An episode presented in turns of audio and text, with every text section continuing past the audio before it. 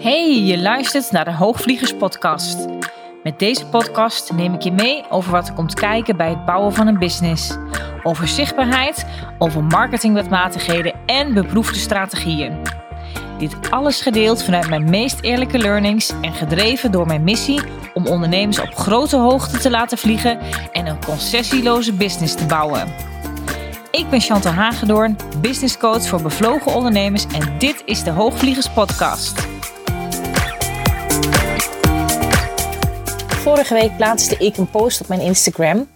En die ging over het feit dat ik voor mezelf een reis had geboekt dat ik een week naar Ibiza ga. En dat ik me daar toch ook enigszins uh, schuldig bij voelde. Of dat ik me daar in ieder geval op voorhand bij het maken van, de, van het besluit om naar Ibiza te gaan, dat ik daar een soort van instant schuldgevoel over had. Ik zal je eerst even meenemen in de post die ik schreef, dan weet je iets meer wat ik bedoel. Misschien heb je hem ook al gelezen, misschien ook niet, maar laat ik je even meenemen. En ik zei daar: Kan ik dit wel doen? Kan ik dit maken? Ai, het schuldgevoel popte al op voorhand bij me op. Fuck Chantal. Iedereen in je omgeving is er al eens geweest, alleen jij niet. Dit is niet waar, but drama does it sometimes. Hoe lang wilde ik dit nu al? Je organiseert ze wel voor klanten, maar bent er zelf nog nooit bijeen geweest. Let me enlighten you. Ik heb het over Ibiza, een te gek gave finca, op retraite. Een week lang in april, in de week waarin ik jarig ben. Een vet verjaardagscadeau voor me, myself en I. En hoe vaak ik het ook tegen anderen zeg, op welke lage voet je jezelf, had ik zelf toch behoorlijk last van een gevalletje schuldgevoel. Want dan ben ik wel een week lang weg bij mijn gezin, kan ik mijn man wel alleen een week met alles opzadelen ik ga lekker een week naar de zon in een heerlijke omgeving en mijn gezin niet. Moeten we dan niet samen gaan of zo? En meer van dit soort gedachten. En I know, het zijn enkel gedachten. Want mijn man kan dit prima. En ja, de kinderen zullen me missen. Hoop ik. En ik zal hen ook ontzettend missen. Maar dit lijkt me ook zo heerlijk, zo voedend en ontspannend voor mijzelf. Waarbij ik tegelijkertijd de woman within op een diepere laag mag raken. Daar ga ik voor. Dus voel ik me schuldig? Ja, dat doe ik wel. Weet ik dat het voor mij heel goed is om te doen? Ja, dat weet ik. Net zoals dat ik juist ook alone time nodig heb. Ik loop niet voor niks zo vaak in het bos, hè? Tuurlijk, vaak zat een paar dagen voor business van huis geweest. Een paar dagen. Dit voelt wel even van een andere orde. Nou ja, als ik tegen die tijd me nog steeds schuldig voel, heb ik gelijk een mooi thema om in te brengen. Nou, en um, daaronder deel ik dan de foto's voor de Clips of Heaven. En ik krijg daar reacties op van mensen. Waarbij uh, het overgrote deel van de reacties uh, gewoon zijn van gaaf en uh, you go girl en doen. En ehm, met ook variërend van zeker doen, hoef je je niet schuldig over te voelen. En ook een aantal reacties van ja, herken maar wat je schrijft. ik kom nu tot ehm, twee dagen maximaal weg bij huis, dus ik maak al vorderingen enzovoort. En ja, weet je, dus het zijn variërende reacties. En eh, heel mooi ook dat je dus van daaruit ook met name van allemaal vrouwen die ook reageren van uh, een stuk support daarin krijgen. En ik vind het heel mooi dat dat eigenlijk op die manier uh, ontstaat. En toen dacht ik wel van ja, laat ik dat gevalletje schuldgevoel, zoals ik dat dan uh, hier ook in mijn post noem, laat ik dat eens wat verder gaan ontleden. Want uh, wij vrouwen zijn daar natuurlijk best wel goed in om dat te doen. En dan moet ik heel eerlijk zeggen dat ik me inmiddels al niet meer zo schuldig voel. Ik denk ook dat het niet zo heel erg veel zin heeft op het moment dat je een besluit hebt genomen ergens voor. Om je dan nog steeds ja, schuldig te blijven voelen. Ja, dan zou ik haast kunnen zeggen, ja, dat is een soort van uh, ja, nutteloos iets. Maar goed, weet je, soms zit natuurlijk tussen voelen en uh, weten zit daar tussen een verschil. En uh, niet alleen op dit vlak, dat is natuurlijk op veel meer vlakken zo. Dat je soms wel iets weet en het ook niet zo zou willen voelen, maar toch iets zodanig voelt voor je. En als ik dan kijk naar hoe wij vrouwen zijn, dan hebben we wel regelmatig uh, dat we ons schuldig voelen. Zeker dus als vrouwelijke ondernemer. Daar zie ik dat toch vaak wel terug. En Misschien hebben mannelijke ondernemers dat ook, die een gezin hebben. Dat weet ik niet, want ik voel me vooral schuldig naar mijn gezin of naar mijn kinderen dan in dit geval. Ik heb dat minder naar mijn man toe. Ja, ik denk, ja, wij zijn allebei gewoon volwassenen en wij maken daarin eigen keuzes. Ik bedoel, toen de kinderen er nog niet waren, toen ben ik ook um, op mijn dertigste, toen was ik wel getrouwd. Waren we al een aantal jaar getrouwd, want ik ben op mijn 27ste met mijn man getrouwd. Ben ik drie maanden op reis gegaan naar uh, Nieuw-Zeeland en ik ben in Australië geweest en op de Fiji-eilanden. En ja, dat heb ik toen eigenlijk best heel snel uh, besloten. Ik zat toen in een baan en ik voelde me niet uh, meer daar op mijn plek. Ik was al een iets daarvoor, was ik al met wat overspannenheidsklachten ook al een tijdje afwezig geweest. Ik was wel weer terug op de werkvloer, maar ik wist wel weer, toen ik al wel weer daar weer uh, werkzaam was, dit is niet waar ik wil blijven. Hier ligt mijn toekomst niet. En nou ja, met het feit dat ik eigenlijk ook om me heen ging kijken naar andere banen voelde ik ook gewoon heel sterk, ja, dit is ook wat ik heel graag wil. En ik wil ook heel graag op reis. En er was destijds een collega van mij en die ging op reis. En zij kwam haar baan bij mij opzeggen. En ze zou samen met haar vriend gaan naar Nieuw-Zeeland dus. En uh, toen had ze gedacht dat ik als haar baas ja, daar een soort van op zou reageren. Van dat ik dat niet zo tof zou vinden of er niet zo blij mee zou zijn. Maar ik reageerde heel enthousiast op haar. En ik had echt zoiets van, oh, dat moet je doen en dit en dat. En er staat ook altijd nog op mijn uh, wensenlijstje. Dus ze was heel verbaasd dat ik dat zo aanmoedigde. En uh, terwijl ze een hele goede kracht was hoor. Dus ik was heel blij met haar. En was ook gewoon een goede collega. Ik kon ook gewoon goed met haar. Toen bleek dus dat haar vriend niet mee kon naar Nieuw-Zeeland. Want hij kreeg niet zo lang verlof van zijn werk. En hij besloot dus toch om in Nederland te blijven. En bij mij bleef toen dat idee ook maar sudderen van... Goh, wat gaaf dat zij dat doet en dat zij uh, naar Nieuw-Zeeland gaat. En toen heb ik eigenlijk in een split second... Nadat ik ook van haar begreep dat haar vriend niet mee kon... en ze daar eigenlijk best wel van baalde... want ze zou liever niet alleen gaan... heb ik haar ook zo out of the blue voorgesteld... zal ik met je meegaan? Want dit staat ook altijd nog op mijn verlanglijstje. En ik zit hier ook niet meer op mijn plek. En ik ben eigenlijk voornemens om mijn baan op te zeggen. Dat is natuurlijk een hele gekke situatie. Want zij was mijn uh, medewerker. En ik was haar baas. Dus ik had haar dus eigenlijk al geïnformeerd op dat punt. Om dus dat ik dus zei van... Hé, hey, ik ga op... Uh, ja, ik ga mijn baan opzeggen. En uh, dat ik dus met haar mee wilde naar Nieuw-Zeeland. En uh, nou, dat vond ze meteen super gaaf. En uh, later op die reis is ook die verhouding van baas-medewerker is ook gewoon verdwenen hoor. Dat je niet denkt van, nou ja, we zaten constant in zo'n soort rol op reis. Helemaal niet.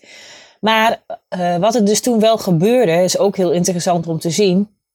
zij was wel een paar jaar jonger dan ik. Zij had nog niet zo heel erg lang verkering destijds met haar vriend. En ik uh, was natuurlijk al drie jaar getrouwd. En ook de reacties van mensen, ook om me heen. Ja, enerzijds wel dat mensen dat heel gaaf vonden, want het was uiteindelijk in een week tijd of zo, had ik het ook allemaal geregeld. Hadden we de tickets geboekt, had ik mijn baan opgezegd. En uh, ja, dus, dus dat dit op deze manier ging, uh, ging, ging plaatsvinden. Het was eigenlijk allemaal ook zo geregeld. Dus op het moment dat je ook ergens zo sterk voor voelt, hey, dit is wat ik wil. En ik ga dit doen en het was voor mij ook een beetje zodat ik dacht van ja weet je, ik was 30. Of ik zou 30 worden nog vlak voor vertrek. Dat ik ook dacht van ja weet je, dit is ook een soort van nu of nooit moment. Want ik had altijd eigenlijk al daarmee de gedachte om op reis te gaan. Eigenlijk wilde ik wel meteen na mijn studie doen. Maar toen kon ik na mijn studie kreeg ik meteen een baan aangeboden. En toen dacht ik van ja, dat is eigenlijk ook wel heel handig en ook wel heel fijn. En uh, stond ik daar wat uh, rationeler in. En toen heb ik dus die baan geaccepteerd. En van daaruit ben ik toen eigenlijk al van verschillende, uh, in verschillende andere banen gerold. En is dus die reis en die wens daarvoor is eigenlijk op de achtergrond geraakt. Ben ik getrouwd? Ja, en dat is ook zoiets weet je, wat mensen ook dan vanuit je omgeving ook verwachten. Ja, zoals een jaar nadat we dan getrouwd waren, dat het ook te maken had met dat mensen ook tegen ons zeiden: Ja, uh, en nou, en wanneer komen er dan kinderen? Afgezien van dat het sowieso natuurlijk een gekke vraag is uh, om te stellen. Maar daarmee kun je eigenlijk al wel zien dat heel veel dingen vaak zo in, in ontzettende ja, verwachtingen van mensen liggen, van gedragingen, van normen en van waarden, die een omgeving heeft, of die ook soms een omgeving daarmee ja, jou ook kan uh, beïnvloeden. En je dus wel heel erg sterk voelt ook daarmee. Dus ook op dat moment toen ik die keuze maakte om dus drie maanden alleen te gaan, ja, dat je dus afwijkt van een bepaalde norm. Nu heb ik daar nooit zo heel erg veel moeite mee gehad, maar het is wel iets wat je wel degelijk merkt. Het is wel degelijk wat je voelt. Het is wel degelijk dat je soms, en niet nooit dat ik me voel dat ik me hoef te verantwoorden of, hoef, of mezelf hoef uit te leggen, maar ook mensen die heel dicht bij mij stonden, begrepen het ook niet zo goed. Weet je, mijn schoonouders begrepen het ook niet zo goed. Die, ja, voor hen was het eigenlijk wel een soort van, ja, not done, dat je dat doet als je dus bent getrouwd. Nou ja, en uh, ik weet ook nog wel dat mijn baas destijds ook tegen mij zei van, nou, ik weet niet of mijn vrouw er wel zo blij mee zou zijn uh, als ik dat zou doen. Ja, weet je, ik heb altijd een relatie gehad uh, met mijn man, dat we elkaar daarin altijd behoorlijk vrij laten en daarin elkaar ook kunnen ondersteunen in de dingen die we graag willen doen. En op een soort van vanzelfsprekende manier voelen we ons ook wel heel verantwoordelijk, denk ik, naar elkaar en houden we ook wel degelijk rekening met elkaar. Maar zonder dat we daar nou altijd zoveel ja, woorden zeg maar, aan hoeven te wijten. Nou, en voor voordat het hele, deze hele podcastaflevering gaat over dit uh, gegeven. Uh, maar dit is eigenlijk al wel, en ik heb dat al wel vaker in mijn leven meegemaakt, ook als je keuzes maakt die misschien niet zo voor de hand liggen.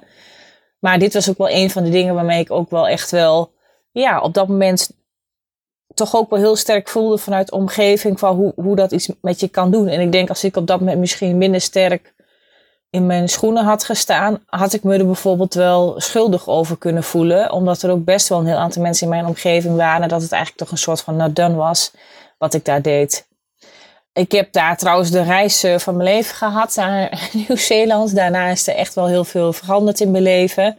Ben ik ook uh, ja, natuurlijk in een andere baan begonnen. Maar daarna vanuit een andere baan ook langzaamaan eigenlijk uh, begonnen met mijn ondernemerschap.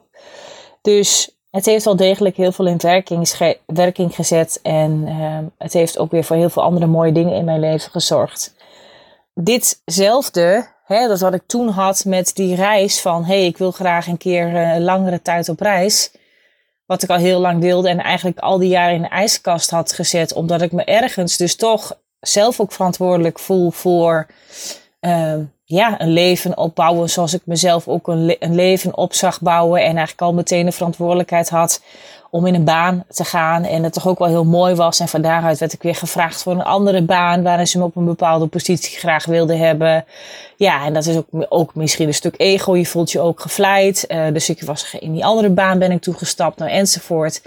En uiteindelijk kunnen daarmee ook soms zeg maar de dingen die je echt graag wilt wat in een ijskast uh, worden gezet. En hetzelfde was eigenlijk nu wat ik ook had met deze reis die ik nu naar Ibiza had geboekt. Weet je, ik zag dit voorbij komen en um, iemand anders die wees me op deze reis. En dat ze ook zei van, oh, dit lijkt me ook zo gaaf. Daar wil ik altijd graag nog een keer naartoe. En dat ik ook echt meteen toen ik daarnaar keek ook echt dacht van, oh ja, dat snap ik wel dit is ook precies zeg maar een plek die ik zelf ook zou uitkiezen, waar ik zelf ook naartoe zou gaan. En toen keek ik dus en toen zag ik ook van, oh, ze heeft nog twee plekjes vrij. En toen voelde ik ook zoiets van, het is een soort van, ja, nu of nooit. Het klinkt ook best zo stom, want je kan het natuurlijk altijd doen. Dus nu of nooit is ook niet per se uh, uh, waar. Maar ik voelde wel heel erg het verlangen van, ik wil dit nu gewoon heel graag doen. Maar ik ben regelmatig wel voor mijn werk ook wel eens weg geweest. En ook wel eens een drie dagen. En ik zit even te denken of ik ook wel eens vier dagen ben weg geweest in mijn eentje. Nou, dat denk ik zelfs niet. Ik denk dat drie dagen dan de max is geweest. Dus een week lang weg, in, alleen. Bij mijn gezin dus. Dat was wel iets van een andere orde, vond ik. En ja, en toch vond ik wel dat ik, dat ik het moest doen. Dus het verlangen had wel degelijk daarop uh, de overhand. En heb ik het ook gedaan. Maar ik vind het zo interessant om te kijken wat er dan gebeurt met een stuk uh, schuldgevoel. En ik denk ook als vrouwelijk ondernemer dat je, nu heb ik het dan over deze reis die ik voor mezelf helemaal alleen boek. En natuurlijk kan je daar voor allerlei dingen over zeggen. Hè, want voor mij is het ook zo als ik, ja, ik, er gingen namelijk allerlei gedachten door mezelf heen. Over gedachten zoals, ja, dan haal ik uh, ook zeg maar een stuk geld bij mijn gezin weg, die we ook uh, kunnen gebruiken uh, voor onze alle vier bijvoorbeeld. Of waarin we met z'n vieren mooie dingen kunnen doen. Ik uh, dan mijn man dus een week lang uh, op met alles wat er dan moet uh, gebeuren. En het hele geregel en het draaiende houden van het gezin met alles erop en eraan. Als je zelf een gezin hebt, dan snap je dat. Nou ja, en allemaal van dat soort gedachten. En dan kan het verschillend zijn tussen een, een soort van, ja, misschien een reëel schuldgevoel en een irreëel schuldgevoel. Daar kom ik straks nog wel even op terug. maar dit zijn wel zo van die gedachten die vooraf door mij heen gingen. Ik denk in het ondernemerschap dat heel veel vrouwen zich op het moment dat je kinderen krijgt, dat daarin toch iets verandert. En nou ja, dat is misschien trouwens niet alleen in het ondernemerschap zo, maar ook als je in een loondienstbaan zit, is het misschien net zo goed. Is dat je, ja, dat die spagaat van het ondernemerschap en het moederschap, ja, dat is natuurlijk een, een, een spagaat die altijd een soort van voelbaar is in meer of mindere mate. En daar is dus iets wat je dus daarin soms iets, iets uh, ja, mee hebt te doen. Soms heb je daar ook iets voor te laten en dan heb je in ieder geval mee te dealen. Ja, dat varieert al met dat mijn kinderen toen ze nog jonger waren, dat ik ze dus naar een kinderopvang bracht. En dat toen in de hoogtijdagen, waarop ik het dus echt zeg maar heel druk had, toen werkte ik trouwens in het begin nog in, eh, in, uh, in loondienst dat mijn zoon wel eens drie dagen naar de opvang ging. Dat was voor mij echt wel de max. Ik vond dat best wel veel om zo'n kleine hummeltje al drie dagen uh, elders uh, onder te brengen. Ik weet nog wel dat ik toen 28 uur werkte en dat, het de ene week, dat ik de ene week drie dagen werkte en de andere week uh, vier dagen. En dat ik dus ook in die week dat ik drie dagen werkte, deed ik dus een opleiding tot coach counselor. En uh, dus ik was echt wel vier dagen per week was ik echt wel zoet.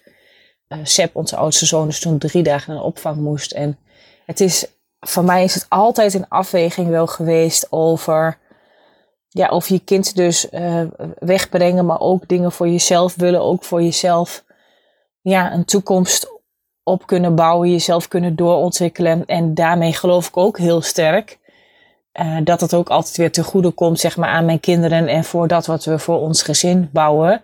Dus het werkt natuurlijk wel twee kanten op. Maar ik vind het wel, nou ja, mijn visie is ook wel dat als je zelf kinderen hebt, en het staat aan iedereen vrij om daar een eigen visie in te hebben, maar dat je ook wel degelijk ook wel zelf voor de kinderen zorgt. En ja, dat ze niet bij wijze van een hele week naar een opvang uh, gaan ja, dat is in ieder geval niet mijn beeld of niet mijn visie van, uh, van het moederschap. Of zoals ik het zou zien of zou willen. En dus het is voor mij altijd een afweging daartussen geweest over ja, hoe je je daartoe verhoudt, hoe je je daarover voelt. En je ook soms schuldig kunnen voelen. Hè? Op het moment dat je wel bijvoorbeeld een dag thuis bent met je met kinderen. Of dat je denkt van hé, hey, maar ik wil eigenlijk nog iets voor mijn business doen. Bijvoorbeeld, hè, ik heb dat nu minder. Maar bijvoorbeeld wel toen de kinderen nog iets jonger waren. Nu zijn ze wat ouder. Dus vermaken zichzelf natuurlijk ook veel beter. Ik hoef niet meer constant van alles met ze te doen. Maar dat maakt wel zo ontzettend verschil, zeg maar. Ook dat je soms ook een, een gevoel hebt van je bent eigenlijk met je kind bezig of met je kind aan het spelen, maar ondertussen zit je met je hoofd, zeg maar, bij 101 dingen die je nog uh, voor je werk hebt te doen. Of ideeën die je nog voor je bedrijf zou moeten uitwerken. Of een actie waar je nog mee bezig bent enzovoort. Ja, dan ben je dus op dat moment ook niet echt heel erg in het nu. En ik heb dat, ik weet nog wel dat ik me daar in de jongere jaren van, toen de kinderen nog kleiner waren, dat echt wel, het is echt wel een aantal jaar ge, gekost om me daar echt helemaal ook goed in te kunnen voelen. En me ook ja, ook dingen in, binnen in mezelf zeg maar af te kunnen pellen, om uit te kunnen pluizen. Maar hoe zit dat dan bij mij en hoe werkt dat dan voor mij? En ook natuurlijk met de, het, ja, het eigen verantwoordelijkheidsgevoel die ik zelf ook heb. En over hoe ik zelf ook mijn beeld en mijn visie is over, ja, over hoe ik graag zeg maar de best mogelijke moeder voor mijn kinderen wil zijn. En hoe ik ze op die manier wil uh, ondersteunen. En ja, dat beeld van de best mogelijke moeder, daarin faal je natuurlijk gewoon gigantisch. Daarin faal je natuurlijk meerdere keren heel hard dat je op je snuffert komt en dat je dan dingen doet waarvan je echt denkt, ja, dit, hier ben ik niet goed. Dit is niet zoals ik het, uh, zeg maar, het stickertje pedagogisch verantwoord erop zou plakken. En ik denk ook juist dat daar ook juist de ruimte in zit dat je ook juist die sticker er niet op uh, zou moeten willen plakken. En dat daar heel veel uh, ruimte mee komt en heel veel meer, ja, als dingen daarin mogen zijn. Um, daarin ook soms dingen kunnen zeggen, ook naar je kinderen, oh, dit heb ik niet goed aangepakt. En daar ook excuses in kunnen aanbieden en daarover weer een gesprek gesprekje kunnen hebben. Ja, weet je, dan is dat ook daarin denk ik ook vaak al heel helpend, zeg maar, voor beide kanten. En dat is uiteindelijk denk ik vooral ook waar uh, opvoeden en samen zijn met elkaar daarover gaat. Maar goed, ja, dat heeft me wel echt wel een, uh, ja, ik denk al een aantal jaar gekost om daar ook uh, goed mee om te kunnen gaan. En dat is ook, zeg maar, iets weten daarin is natuurlijk anders dan, dan iets voelen of hoe je je voelt of welke onrust iets bijvoorbeeld met zich meebrengt. En als je ook een heel hoog ambitieniveau hebt, zoals ik wel heb, uh, dat kan ik namelijk niet ontkennen dat ik het niet heb. Ik heb een hoog ambitieniveau. Dan is het ook, ja, weet je, dan, dan is het altijd wel een soort stukje van laveren tussen het moederschap en het ondernemerschap. En ik denk dat het misschien altijd wel, wel blijft. Alleen denk ik wel, ten opzichte van mensen die in een loondienstbaan zitten, is dat je in het ondernemerschap, je voelt je als moeder heel erg verantwoordelijk, of als ouder, laat ik het dan zo zeggen. Maar in het ondernemerschap ben je ook de eindverantwoordelijke, draag je ook die hele verantwoordelijkheid voor die hele toko.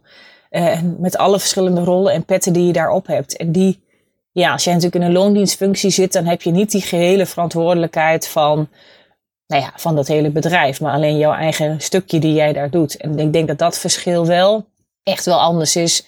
Dat op het moment dat je uh, de deur misschien dicht doet bij een baan waar jij in loondienst werkt, dat je dan misschien daarna ook jezelf misschien echt vrij voelt of, hoe zal ik het zeggen, nou ja, het, het achter je kan laten. En is ook niet altijd zo hoor. Mensen die ook een heel verantwoordelijke baan hebben in loondienst, weet ik ook dat die soms in hun hoofd het werk nog mee naar huis nemen. Maar zeker als ondernemer, daarvoor weet ik het in ieder geval zeker, omdat ik er zelf een ben. En wil niet zeggen dat het voor iedereen geldt, maar ik hoor het wel van veel ondernemers om me heen. Is dat bedrijf toch eigenlijk altijd wel aanwezig? Het is altijd wel in je hoofd. En het is niet zo dat als ik thuis ben, dat ik ook altijd maar aan het werk ben. Dat is zeker niet zo. Maar het is wel, het is wel altijd aanwezig. En niet altijd in een negatieve zin aanwezig hoor. Want dat is wel goed om, om te kunnen zeggen en om dat verschil wel goed duidelijk te kunnen maken. Maar het is er wel altijd. Dus als ik nu kijk, zeg maar, ook naar het stuk schuldgevoel waar ik dan deze podcast mee uh, begon, is ook dat ik daarmee ook zo erg, ook vanuit de reacties die ik heb gekregen, en ik kreeg ook nog een paar mooie reacties van mensen in mijn DM met een iets wat langere, uitgebreidere reactie, is dat het zo herkenbaar is voor mensen. En ook dat mensen zeggen, ja, ik wil dit ook al wel heel graag doen, maar ik heb eigenlijk dezelfde redenen als, je, dan, uh, als jij. Ik voel het misschien ergens net zoals jij en daarom kies ik er dus voor om het niet te doen.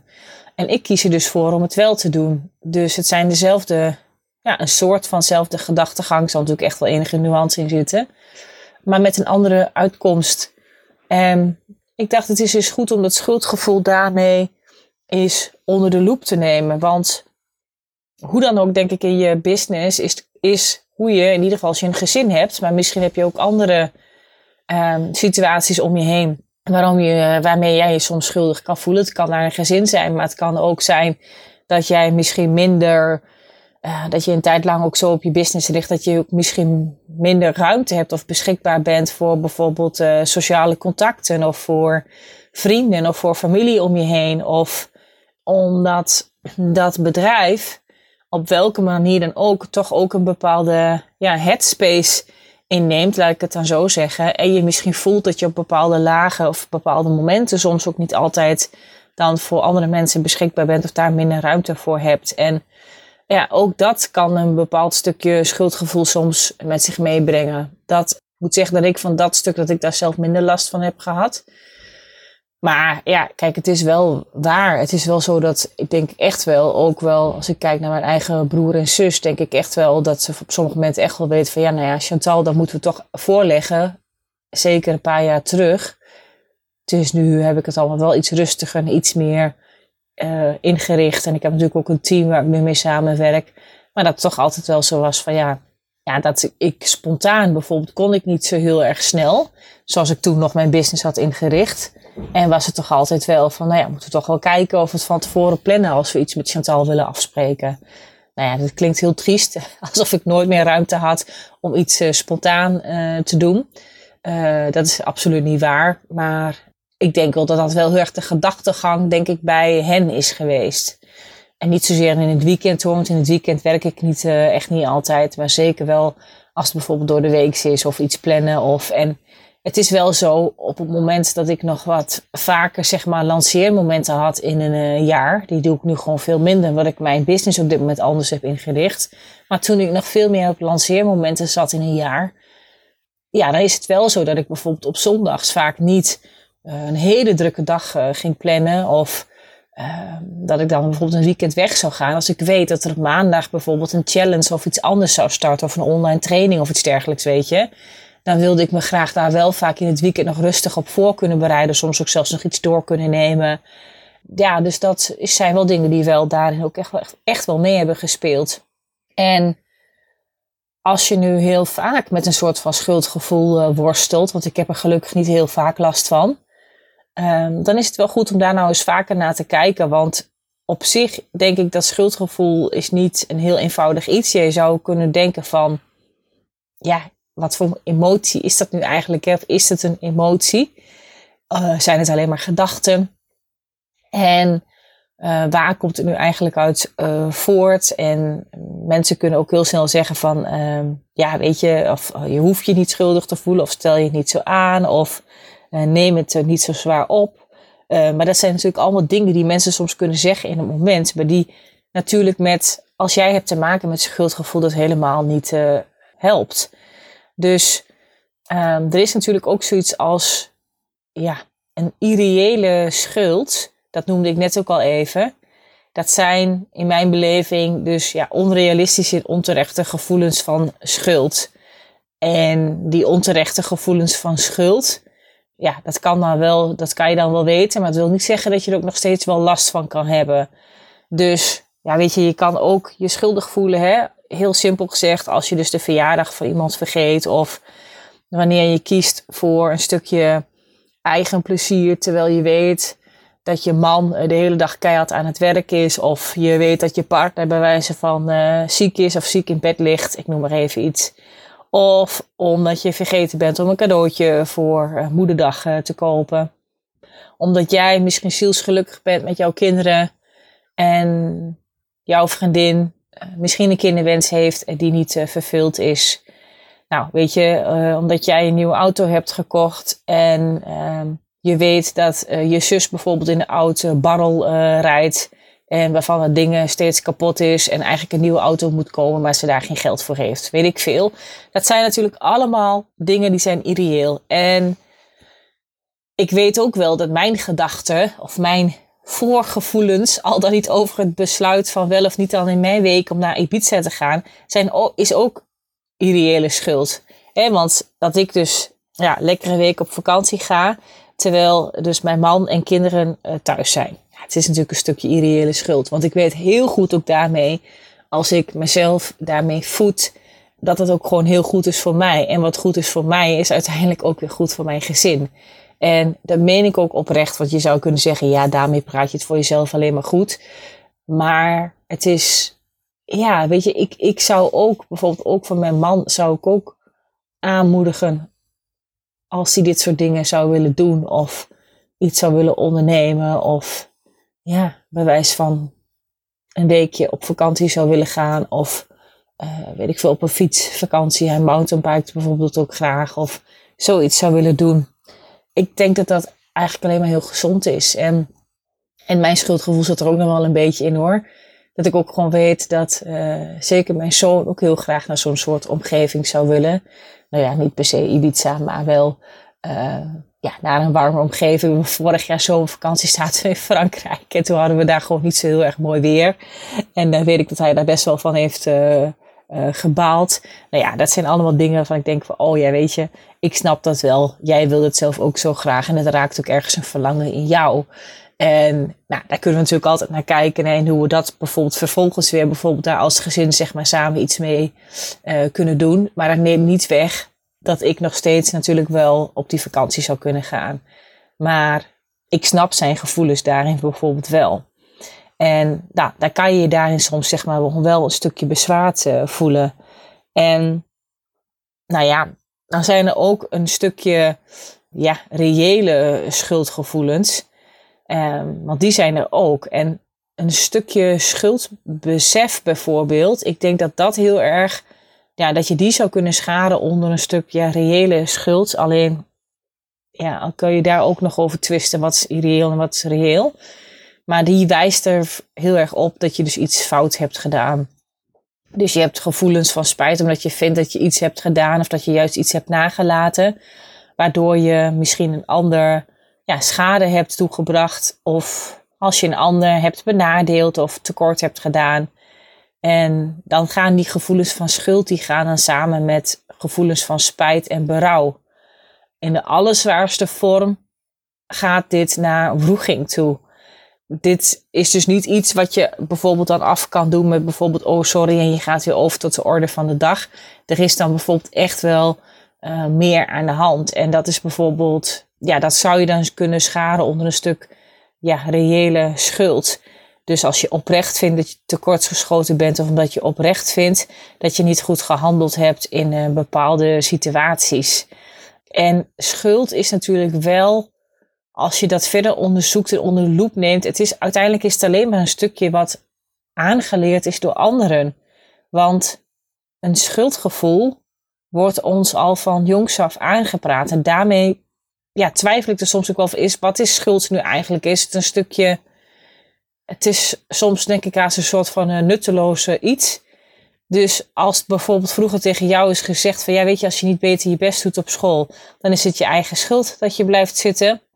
Want, of dat je als kind bijvoorbeeld vooral braaf uh, moest doen, want ja, anders uh, werden papa of mama bijvoorbeeld verdrietig. Dan kan je daarmee de schuld al bij kinderen neerleggen. Of de kinderen voelen dat al. En daar, dat maakt eigenlijk al dat er voor jou op hele jonge leeftijd al een bepaalde conditionering en kaders ontstaan. Waarbinnen dat schuld dan vorm krijgt. En ja, daar heb je altijd ook op latere leeftijd, krijg je daar ook altijd mee te maken. En het kan ook zijn dat misschien een leerkracht vroeger op school, ook in heeft gespeeld op een stukje schuld, schuldgevoel omdat, uh, ja, weet ik veel, omdat uh, jij nu niet hebt uh, opgelet of jij jou niet hebt geluisterd of er weer doorheen zat te kletsen, is er geen tijd meer om met de hele klas dit of dit te doen, wat bijvoorbeeld dan een leuk iets zou zijn geweest. En ja, daar kun je om lachen, dat je denkt van, maar gebeurt dat echt? Ja, dat gebeurt echt. En dat is, ik denk allemaal dat je wel eens in meer of mindere mate zulke dingen soms zegt of dat nou naar een ander is of naar je kinderen, terwijl je dat diep van binnen niet zou willen zeggen. Je, je meent het eigenlijk ook niet als je dat zou ontleden. En je beseft je misschien op dat moment ook niet per se wat die woorden daarmee betekenen of wat ze daarmee ook kunnen berokkenen. Maar ja, dat je dat soort dingen soms wel zegt. En schuldgevoel is daarmee uiteindelijk een stukje, ja, is, is, is het basis hè, voor manipulatie. Uh, vanuit je opvoeding kun je dus te maken hebben gehad met dus ook het, uh, ja, hoe zal ik het zeggen, met het kweken van deze schuldgevoelens. Dus ik heb zelf ook wel eens gezegd hoor, bijvoorbeeld ook tegen mijn zoon van, uh, nou ik, ik doe toch ook de hele dag dingen voor jou en kun jij nou niet, ehm, en, en nou vraag ik jou om dit of dat te doen en dan ben je daar nog zelfs bijvoorbeeld te beroerd voor of dit of dat. Waarbij ik dan na de tijd al denk, oh dat is eigenlijk niet, niet zo tactisch hè, als ik dat zo zeg. Of of als je bijvoorbeeld tegen je kind zegt, nou, uh, je moet wel echt uh, je huiswerk nu maken. En uh, want zoals jij ermee omgaat, het slaat werkelijk nergens op. Of je moest je schamen zoals je ermee omgaat. Nou, dat zijn allemaal dingen waarmee je dus ook een bepaald schuldgevoel iemand kan aanpraten. Of met dingen zoals je zegt, ja, zo praat je niet tegen je vader of moeder. Als je kind bijvoorbeeld boos is, of, enzovoort, enzovoort. En dus je zou je moeten schamen omdat je zo tegen je vader of je moeder praat. Het zijn allemaal dingen waarmee taal en woorden daarmee heel veel kunnen doen en die ergens opgeslagen worden. Uh, in het brein, in het lijf. En daarmee dus ja, de schuldgevoelens van later ja, kunnen kweken. Dus ja, je zou kunnen zeggen dat het daarmee in het, uh, in het als je hem heel ver door zou trekken, dat het dus manipulatie raakt. En zelfs als je hem nog verder doortrekt, zou je hem dus uh, kunnen pakken op een stuk emotionele chantage. Want er wordt namelijk ingespeeld op je schuldgevoel om je in beweging te krijgen. Of om ervoor te zorgen dat jij dat gedrag gaat vertonen wat gewenst is. En daarmee ontstaat natuurlijk schuldgevoel vanuit een stukje opgelegde normen en waarden. Want stel dat je altijd hebt geleerd dat je je schoenen bijvoorbeeld elke zondag uh, moet poetsen, ik noem maar iets op. Dan kan je behoorlijk uh, schuldig voelen, ook misschien soms nog op latere leeftijd. Stel je bent dat zo altijd nog blijven doen, als je dat een keer een zondag niet doet. Of wanneer je geleerd hebt dat het vanuit jouw uh, opvoeding belangrijk is dat je altijd je bed eerst openklapt bijvoorbeeld en daarna weer netjes dichtklapt en dan voel je je misschien niet meteen uh, instant schuldig als je dat een keer niet hebt gedaan. Maar het kan je toch een soort van ongemakkelijk gevoel geven als je dat dan niet hebt gedaan. En het komt wel, het komt dus uit dit soort dingen, uit deze conditionering vanuit vroeger, vanuit deze opgelegde normen en waarden, komt dit uit voort. Omdat je, uh, of omdat je de, de, weet ik veel, de vuilcontainer vergeet om aan de weg te zetten. Of over hele andere kleine dingen in huis, wat bijvoorbeeld nog niet is opgeruimd. Of waarvan je vindt dat dat toch wel echt zo hoort. En ja, dus ook als iemand zegt van, weet je, stel je bent uh, de hele dag uh, in de tuin bezig geweest. Nou, en, en, en daar, daarom heb je bijvoorbeeld de boel weer netjes gemaakt of, of iets dergelijks. Maar binnen in huis heb je bijvoorbeeld, uh, is het nog één dikke zooi bijvoorbeeld. En je vindt eigenlijk dat je het allebei had moeten doen kan je bijvoorbeeld nog schuldig voelen omdat het dan bijvoorbeeld binnen in huis nog wel een rommel is. En daardoor kun je eigenlijk niet eens genieten van het werk wat je in de tuin misschien bijvoorbeeld wel hebt gedaan. Of omdat dat, dat die tuin er nou mooi bij ligt en je daar bijvoorbeeld ook van geniet. Nou, maar ook andersom, hè, dat je juist in die tuin bent gaan zitten en juist de boel de boel hebt gelaten. En omdat dat super lekker is en je eigenlijk schuldig voelt over al die andere dingen die je nog zou moeten doen. Nou, ja, dus dat heeft allemaal te maken met natuurlijk dingen die je vanuit vroeger mee hebt gekregen. En die nemen we als ondernemers ook in ons bedrijf, in ons business, zo ontzettend met ons mee. En juist ook omdat je dus ook op al die verschillende lagen bezig moet zijn, in al die verschillende rollen, komt het hoe dan ook vaak ook weer uh, terug. En ik denk dat je daar ook als ondernemer wel wat milder naar mag zijn naar jezelf, omdat je dus ook al die verschillende rollen, al die verschillende petten op hebt. En je kan niet in iedere rol onder iedere verschillende pet die jij op hebt, zeg maar, in, binnen je bedrijf, kan de boog, zeg maar, niet uh, altijd gespannen staan. Dus ja, mijn inzien zou daarmee ook veel meer zijn dat je mag gaan kijken, hey, waar liggen nu echt mijn kwaliteiten? Waar ben ik echt het allerbeste in? Op welk stuk kan ik mijn bedrijf juist heel erg door laten groeien? En welk stuk daarvan kan ik daarmee nog veel beter omarmen en dat misschien nog wel wat meer ja, gaan maximaliseren. Omdat het jou ook simpelweg ook gewoon echt de meest makkelijke manier lijkt om die stukken bijvoorbeeld te doen. Omdat je daar nou gewoon zo goed in bent. Nou, dat zit natuurlijk voor, uh, hopelijk voor het grootste deel ook gewoon in het stuk van je core business. Waarom je je bedrijf ook bent gestart. En ook echt gaan kijken, ook als je juist wil doorgroeien met je bedrijf, dat je ook echt wel gaat kijken, oké, maar wat kan ik dan afstoten? Wat kan een ander gewoon beter doen?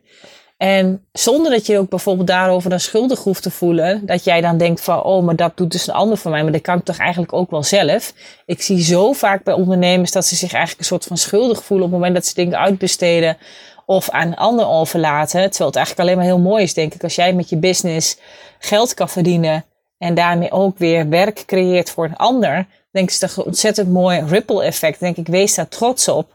En Natuurlijk kan je misschien die dingen ook wel zelf, maar als jij er nou totaal 0,0 energie van krijgt, het je misschien zelfs uit je energie haalt om juist voor die dingen waar je wel heel goed in bent binnen je bedrijf, om die zeg maar wel ten volle te kunnen doen.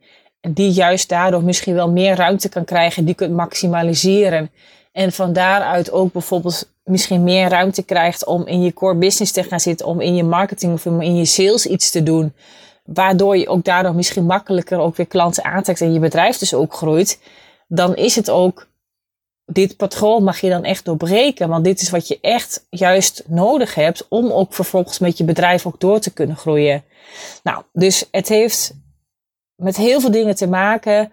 En als jij natuurlijk in je bedrijf altijd te maken hebt gekregen of gehoord met ja, je moet zoveel mogelijk dingen zelf doen. Of dat kun je toch wel zelf. Of als het thuis ook altijd heel erg de gedachte was uh, bij jou van hey, je doet dit zelf. Of als er iets kapot is, dat je het altijd maar zelf moest maken. Dat je het ook nooit wegbracht naar iemand die het bijvoorbeeld ook kon repareren. Ik noem maar iets op. Dan uh, is dat natuurlijk ook echt wel een verschil in hoe je daarmee uh, mee omgaat. En ik weet ook bijvoorbeeld dat, heel simpel voorbeeld, is dat bij mijn man vroeger thuis, als er een bandlek was, dan uh, uh, werd dat daar thuis gewoon zelf geplakt. En dan deden ze dat zelf. En, of er werd daar geleerd hoe je zelf een band moest plakken. Nou, volgens mij heb ik dat nog nooit geleerd in mijn leven. ik heb het volgens mij wel eens gedaan, want we hebben het op school wel eens gehad. Maar bij mij, bij ons was het altijd veel meer dat mijn vader ook zei van, oh, hier ga maar naar de fietsenhandel. En daar was dan wel altijd dat ik naar één bepaalde fietsenhandel moest gaan. Want mijn vader was wel een, eh, een, eh, een, ver, een verkoper. Dan was het wel een fietsenzaak waar hij dan ook al wel eens eh, zelf bijvoorbeeld zelf iets had geleverd. Hij zat in het witgoed. Dus dan was het wel zo van, nou ja, die had al wel eens iets bij hem afgenomen. Dus dan brachten wij ook wel de fietsen naar die zaak. zo ging dat dan wel, weet je. Nou ja, dus, nou ja, en, en ook hierin bijvoorbeeld is eigenlijk ook een heel goed voorbeeld. Want op het moment dat ik bijvoorbeeld de fiets misschien per ongeluk wel naar die andere zaak zou brengen, zou ik me haast dus misschien schuldig kunnen voelen dat ik niet naar de zaak ging, waarvan mijn vader zou hebben gezegd dat ik daar naartoe moest gaan.